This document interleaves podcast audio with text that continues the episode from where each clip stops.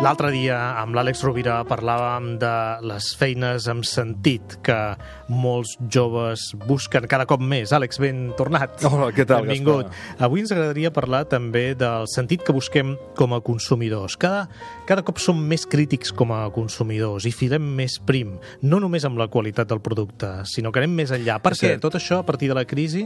És cert, eh, a la pròpia dinàmica competitiva, amb el pas del temps, eh, el, el, el, el consumidor, l'usuari, va afegint nous criteris a l'hora de saber per què ha de transaccionar, per què ha de canviar els seus, els seus diners, que no deixa de ser temps invertit, energia i esforç invertit, a canvi d'alguna cosa. I com tu deies ara, jo penso que la crisi en general, no a tothom, eh? no a tothom, però sí que una massa molt important de la població ens ha fet molt més crítics i molt més, més solidaris i menys ingenus perquè ens hem sentit molt estafat per moltes institucions que estaven en la governança. No? En aquest sentit, moltes persones, i això, per exemple, ho explicava molt bé el seu dia en Joan Melé en relació a la banca, escolti, jo deixo aquests diners aquí, però d'aquests diners què se'n fa? Què s'està observant en l'àmbit del consum? Que, els, que hi ha una part de la població, no es pot generalitzar, evidentment, però que hi ha una part que demana més transparència. Escolti, expliqui'm d'on ve això. Expliqui'm quin patiment vostè ha ocasionat eh, en el sistema, en el medi, en els animals, en els recursos, quin preu real estem pagant. Expliqui'm on va parar aquesta inversió que jo donaré. I això implica una narrativa que cada cop s'encora més en el sentit.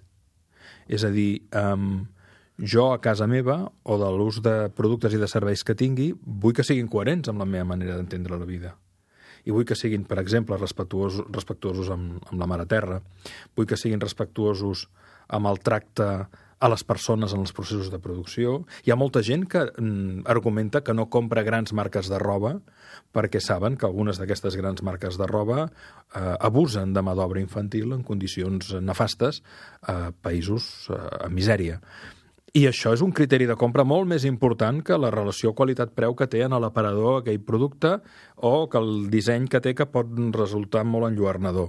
Per tant, eh, fins i tot hi ha, hi ha alguns autors que estan parlant, diguéssim, d'una revolució espiritual, eh, però, però no, no ho banalitzen. Eh? Philip Kotler, que, que, que ja és un home gran i que va sentar les bases del màrqueting modern, no fa massa vaig tenir l'oportunitat de parlar amb ell i deia, diu, això en el futur haurà de canviar, perquè la Terra no tindrà suficient per mantenir un nivell de despesa i de consum tan brutal com estem mantenint ara. Això és evident, no podem, um, no podem disposar de recursos il·limitats en un món limitat. I arribarà un dia, no sé si serà d'aquí 10 anys, 20 anys, 100 anys, 150 o 200, que valors com la sobrietat, valors com la humilitat, valors com la generositat, la reutilització, que ja hi entrem, a l'intercanvi, la transacció, eh, tindran molta més força, perquè això no s'aguanta, no s'aguantarà.